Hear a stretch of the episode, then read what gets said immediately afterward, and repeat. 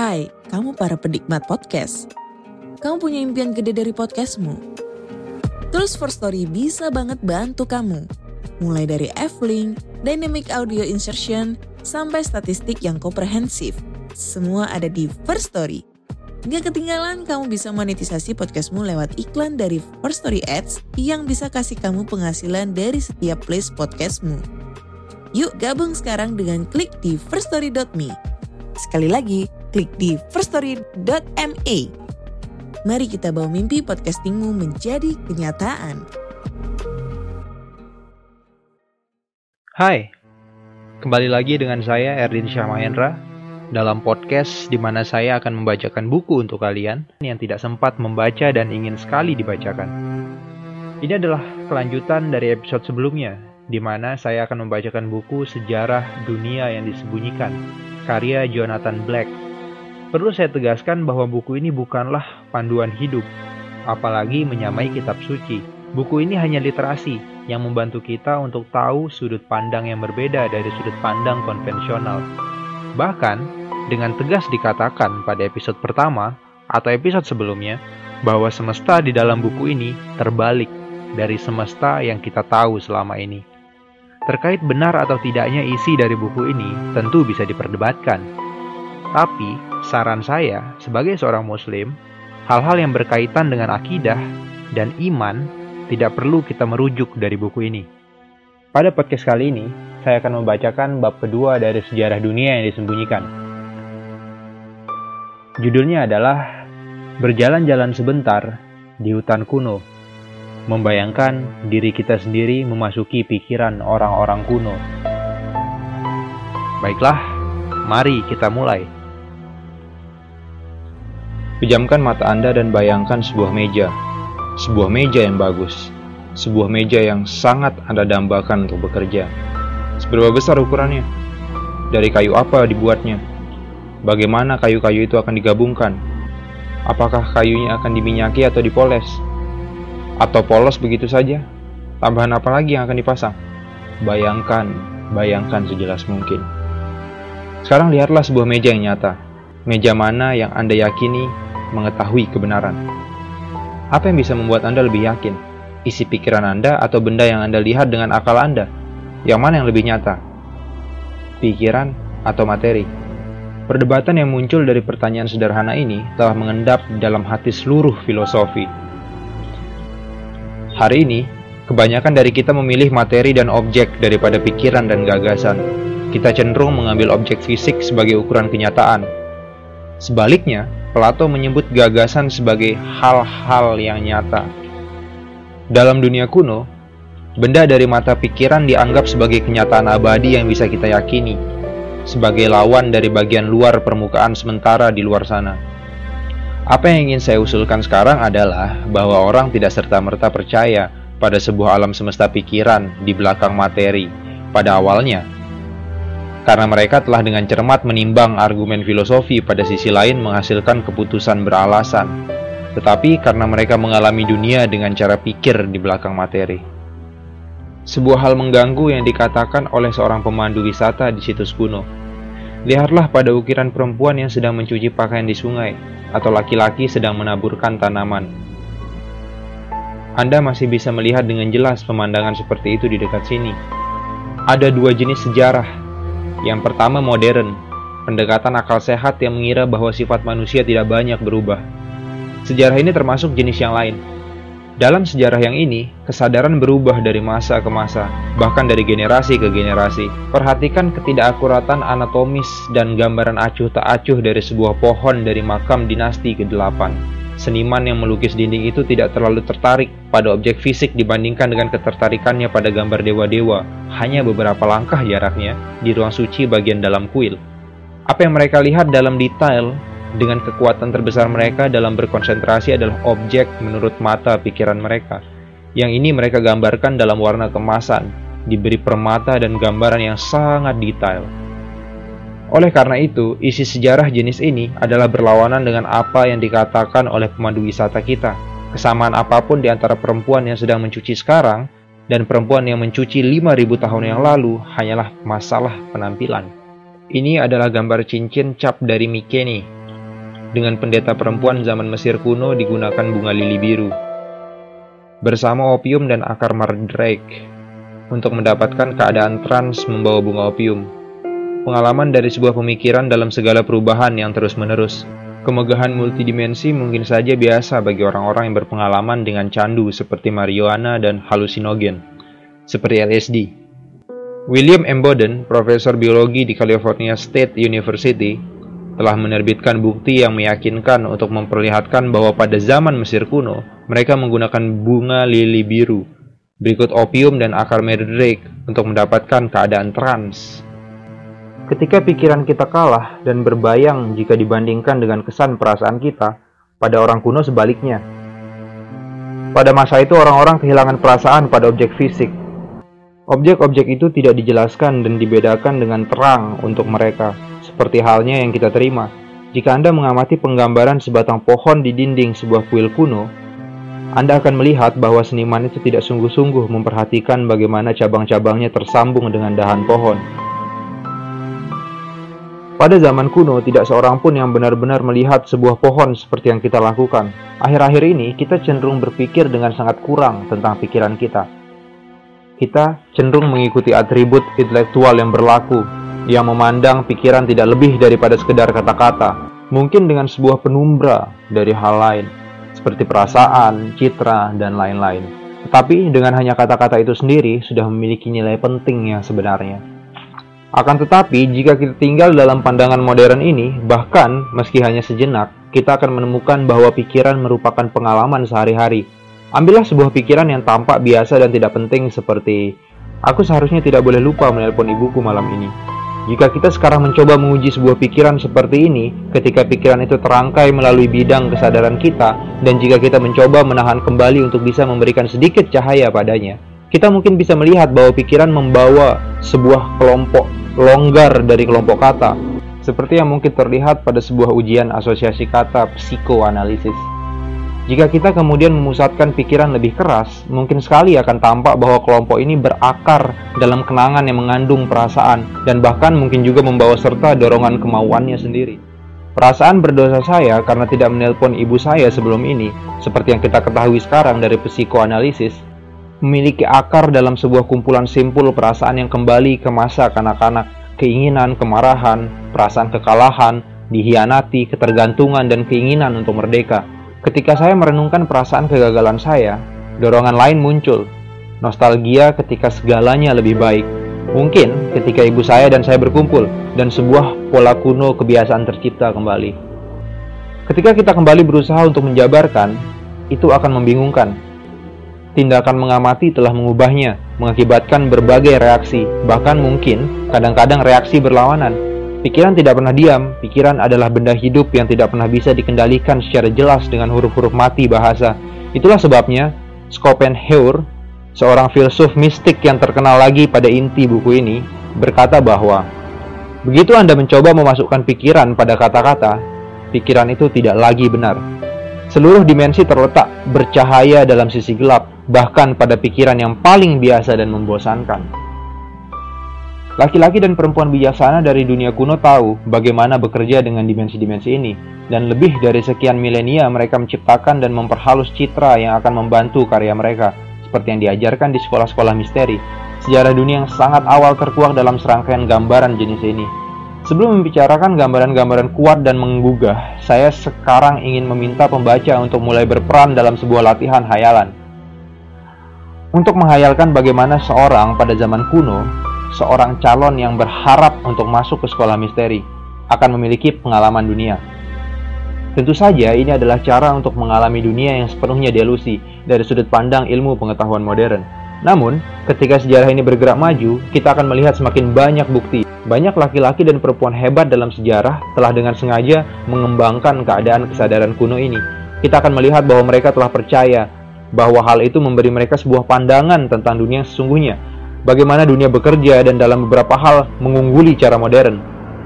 Mereka telah membawa kembali masuk ke wawasan dunia yang sesungguhnya, yang mengubah perjalanan sejarah, tidak hanya dengan karya-karya seni dan literatur jenius, tetapi dengan mendorong penemuan ilmiah terbesar dalam sejarah.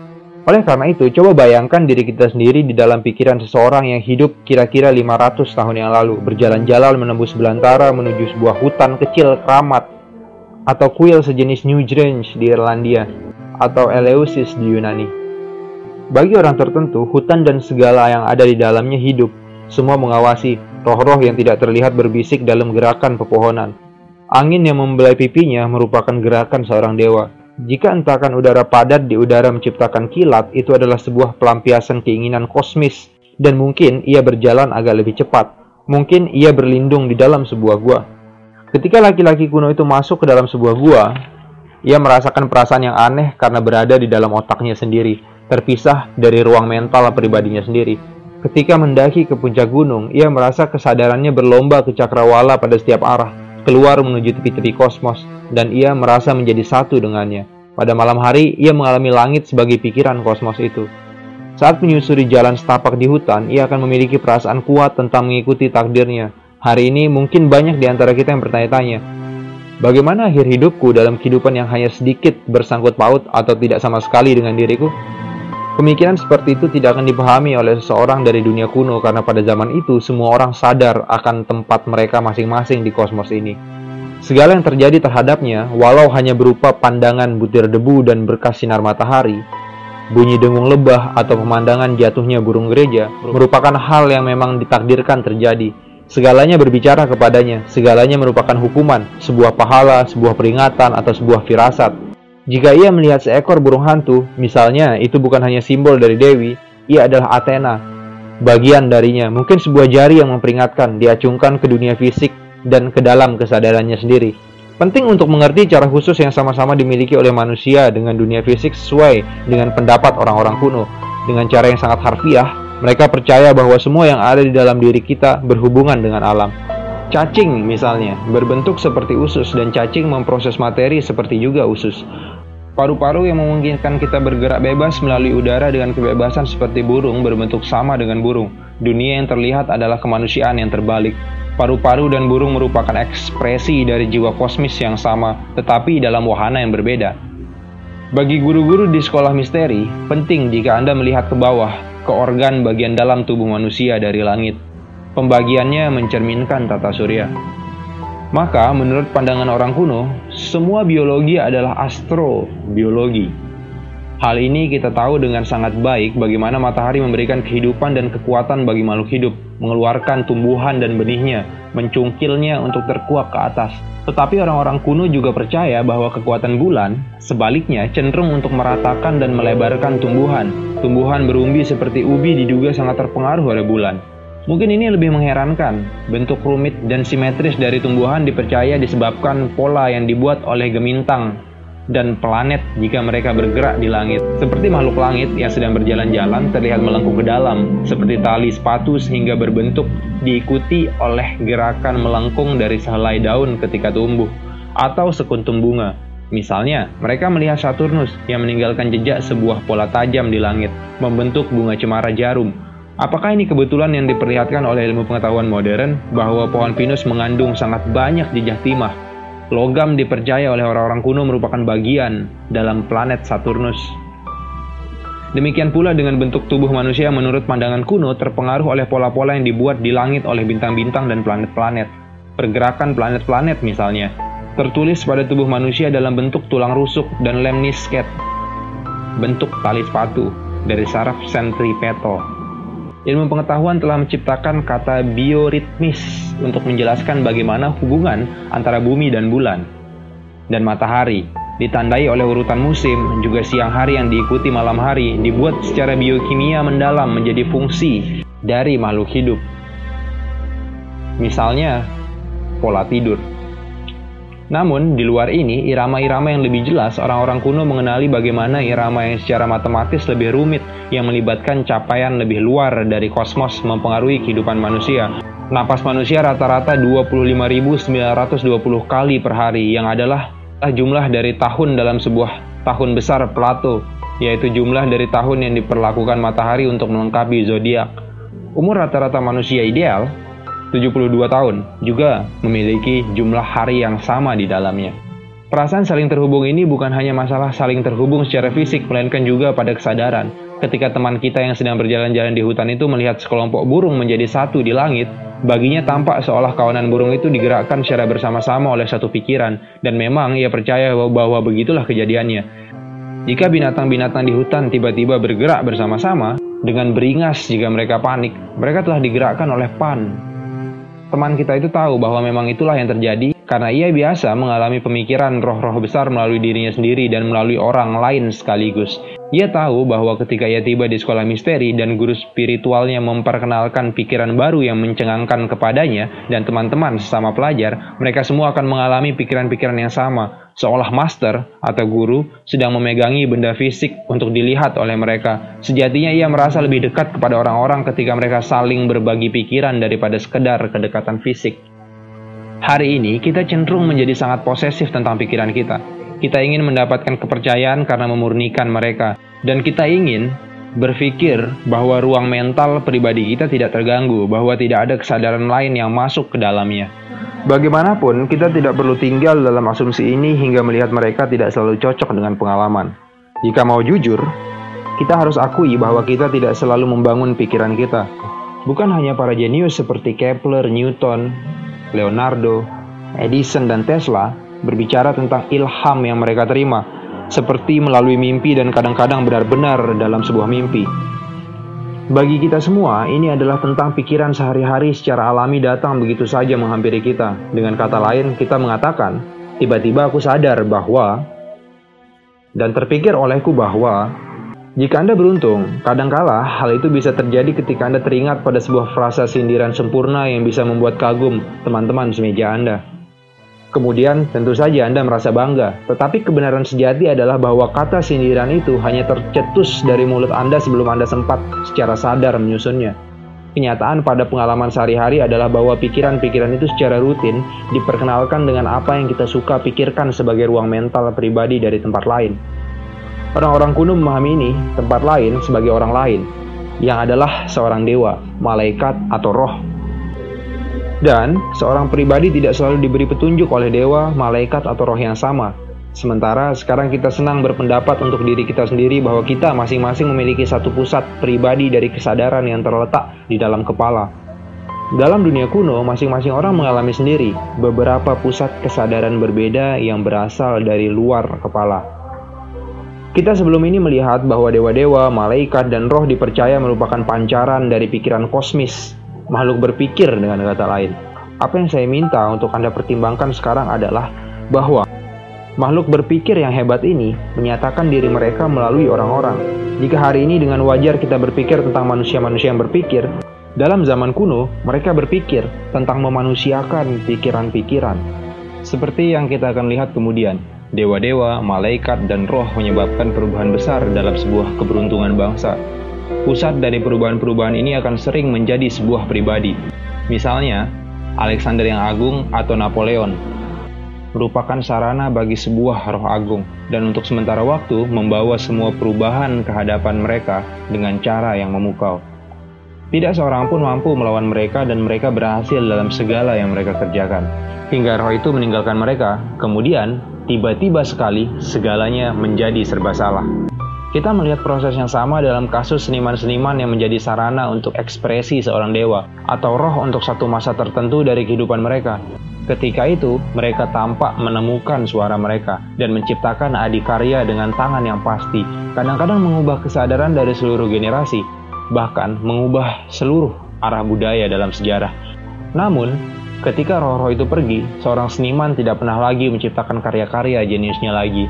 Demikian juga jika roh terlibat dalam seorang pribadi untuk menciptakan sebuah karya seni. Roh agung yang sama mungkin sekali lagi hadir kapan pun karya seni itu diselesaikan oleh orang lain. Salah satu dari sejawatnya berkata, ketika Bach bermain organ, bahkan Tuhan hadir di misa itu. Ini banyak orang Kristen percaya bahwa Tuhan hadir dalam darah dan anggur pada puncak misa itu, walau dengan cara yang agak sulit dipahami yang diperdebatkan selama berabad-abad, tidak pernah benar-benar mencabarkannya. Pada sisi lain, jika Anda membaca liturgi yang selamat dari zaman Mesir kuno, terutama The Book of the Opening of the Mouth Atau pertimbangkan catatan sejarah yang tersimpan di kuil Vesta Virgin di Roma yang mencatat epipenic atau permunculan dewa-dewa yang teratur. Sangat jelas bahwa pada hari-hari itu kehadiran dewa-dewa diharapkan pada puncak upacara keagamaan dan dengan cara yang jauh lebih mengesankan daripada ibadah Kristen hari ini. Orang-orang dunia kuno secara teratur mengalami kemunculan Tuhan sebagai ilham yang mengagumkan. Ketika sebuah gagasan muncul pada laki-laki yang berjalan-jalan di hutan itu, ia merasa seolah baru saja dibelai oleh sebuah sayap malaikat atau oleh jubah seorang dewa. Ia merasakan kehadiran walaupun tidak selalu bisa memahaminya secara langsung dan detail. Namun, begitu ada di pusat kesucian, ia bisa melihat tidak hanya sayap, tidak hanya putaran gelombang cahaya dan tenaga yang membuat jubah itu, di tengah-tengah cahaya, ia melihat malaikat atau dewa itu sendiri. Pada keadaan-keadaan ini, ia akan percaya bahwa ia benar-benar melihat sosok dari alam spiritual. Sekarang kita mengalami saat-saat pencerahan sebagai kejadian-kejadian di dalam diri, sementara orang-orang kuno mengalaminya seperti menimpa mereka dari luar. Laki-laki yang sedang kita ikuti itu berharap makhluk berpikir yang dilihatnya juga terlihat oleh orang lain. Apa yang sekarang kita sebut sebuah halusinasi bersama. Kita tidak tahu bagaimana untuk bisa mengalami kejadian seperti itu. Kita tidak tahu bagaimana caranya untuk bertemu dengan roh tak beraga. Kita tidak mengenal siapa mereka. Hari ini sering terlihat bahwa kita meneliti dan meneliti untuk menemukan sebuah pengalaman spiritual asli, tetapi jarang kita yakin telah mengalaminya benar-benar layak disebut seperti itu. Dalam dunia kuno, pengalaman spiritual begitu kuat sehingga untuk menyangkal keberadaan alam rohani tidak akan terjadi bagi mereka. Kenyataan bagi orang-orang kuno itu kesulitan menyangkal adanya roh sama dengan kita yang memutuskan untuk tidak percaya keberadaan buku yang ada di atas meja di depan kita. Kekurangan pengalaman membuat percaya pada roh tak berjasad menjadi sulit. Kenyataannya, gereja mengajarkan bahwa kepercayaan itu patut dikagumi karena sulit. Semakin Anda percaya bahwa itu tidak mungkin, semakin lebih baik. Tampaknya begitu. Pengajaran ini akan terlihat aneh bagi orang-orang pada masa kuno. Jika Anda percaya pada alam semesta, pikiran di depan materi, jika Anda percaya bahwa pikiran-pikiran lebih nyata daripada benda, seperti orang-orang kuno itu, halusinasi bersama tentu saja menjadi sangat lebih mudah daripada jika Anda percaya pada alam semesta materi sebelum pikiran, yang hampir tidak mungkin untuk dijelaskan. Dalam sejarah ini, dewa-dewa dan roh-roh mengendalikan dunia materi dan menggunakan kekuatan mereka untuk itu. Kita akan melihat juga bagaimana kadang-kadang makhluk tak berjasad menembus tanpa halangan, Kadang-kadang seluruh komunitas mengalami kerasukan karena sebuah kekejangan dari penderitaan seksual yang tidak terkendali. Oleh karena itulah, mengapa berurusan dengan roh-roh selalu dianggap sangat berbahaya. Dalam dunia kuno, persekutuan yang terkendali dengan dewa-dewa dan roh-roh merupakan suaka dari sekolah-sekolah misteri. Robert Temple yang keanggotaannya akhir-akhir ini termasuk profesor tamu di Fakultas Humaniora, Sejarah dan Ilmu Pengetahuan Filosofi di University of Louisville, Amerika Serikat dan profesor tamu di Sejarah dan Ilmu Pengetahuan Filosofi Tsinghua University, Beijing, telah memperlihatkan bahwa budaya-budaya kuno seperti Cina dan Mesir memiliki pengertian tentang alam semesta yang dalam beberapa hal lebih maju daripada pengertian kita sendiri. Misalnya, ia telah memperlihatkan bahwa bangsa Mesir jauh dari primitif atau terbelakang dalam hal ini, tahu bahwa Sirius adalah sistem tiga bintang, suatu sistem yang baru ditemukan oleh ilmu pengetahuan modern pada 1995 ketika astronom Prancis menggunakan teleskop radio yang sangat canggih mengenali bintang kecil merah selanjutnya disebut Sirius C. Intinya adalah bahwa bangsa Mesir kuno tidak bodoh ataupun kekanakan, walau kita cenderung untuk mengatakan demikian. Salah satu dari kepercayaan bodoh yang kami sukai dan kami hubungkan dengan orang-orang kuno adalah bahwa mereka memuja matahari, seolah mereka percaya objek fisik sebagai makhluk hidup. Komentar Robert Temple pada naskah kunci karya Aristoteles, Strabo, dan yang lainnya memperlihatkan mereka menganggap matahari sebagai semacam lensa. Melalui lensa itulah mereka percaya pengaruh spiritual dewa bersinar dari alam spiritual masuk ke alam bumi Dewa-dewa lainnya menebarkan pengaruhnya melalui planet-planet lain dan kumpulan bintang. Ketika posisi raga surga berubah, begitu juga berbagai pola dari pengaruh memberi arah dan bentuk pada sejarah. Kembali ke laki-laki yang berjalan-jalan di hutan kuno, kita sekarang melihat bahwa ia merasakan roh-roh di belakang matahari, bulan, dan sosok-sosok langit lainnya ketika bekerja pada bagian lain dari pikiran dan tubuhnya. Ia merasa kaki dan tangannya bergerak seperti Merkurius yang mengalir dan ia merasa roh Mars menggelegak dalam dirinya. di dalam sungai bergolak dari besi mencair, yaitu darahnya. Keadaan ginjalnya dipengaruhi oleh pergerakan Venus. Ilmu pengetahuan baru bermula untuk memahami peran ginjal dalam seksualitas. Pada awal abad ke-20, ilmu pengetahuan menguak peran ginjal dalam penyimpanan testosteron. Lalu, pada 1980-an, pakar obat-obatan Swiss, Weleda, mulai melakukan pengujian yang memperlihatkan bahwa pergerakan planet mempengaruhi perubahan kimia dalam cairan logam garam yang cukup dramatis untuk dilihat oleh mata telanjang. Bahkan, ketika pengaruh ini terlalu halus untuk diukur dengan peralatan prosedur ilmiah sejauh ini, apa yang lebih mengagumkan adalah bahwa perubahan dramatis ini terjadi ketika sebuah cairan garam logam diperiksa dalam hubungannya dengan pergerakan planet yang telah dihubungkan secara tradisional. Jadi, garam tembaga yang ada dalam ginjal dipengaruhi oleh Venus. Tembaga adalah logam yang secara tradisional dihubungkan dengan Venus. Ilmu pengetahuan modern mungkin ada di ambang memastikan apa yang diketahui dengan baik oleh orang-orang kuno. Jadi, benar sekali jika dikatakan bahwa Venus adalah planet gairah. Sekolah-sekolah misteri mengajarkan bahwa selain kesadaran kepala, kita masing-masing memiliki, misalnya, sebuah kesadaran hati yang berasal dari matahari, kemudian memasuki ruang mental melalui hati. Atau dengan kata lain, hati adalah portal jalan masuk dewa matahari menuju kehidupan kita. Demikian juga sebuah kesadaran ginjal bersinar masuk ke dalam diri kita dari Venus, menyebar ke pikiran dan tubuh kita melalui portal ginjal kita sendiri. Kerjasama pusat-pusat yang berbeda dari kesadaran membuat kita secara beragam mencintai, marah, sendu, resah, tabah, bijaksana, dan lain-lain. Membentuk suatu hal tunggal yaitu pengalaman manusia.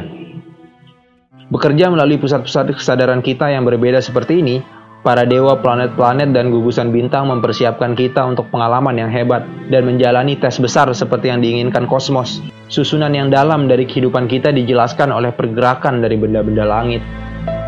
Saya digerakkan untuk berkehendak oleh Venus dan ketika Saturnus kembali, saya sudah sangat teruji. Wow. Bab ini telah kita mulai dengan beberapa latihan imajinasi yang digunakan dalam pengajaran esoteris. Pada bab berikutnya, kita akan melintasi batas sekolah misteri dan mulai mengikuti sejarah kuno kosmos.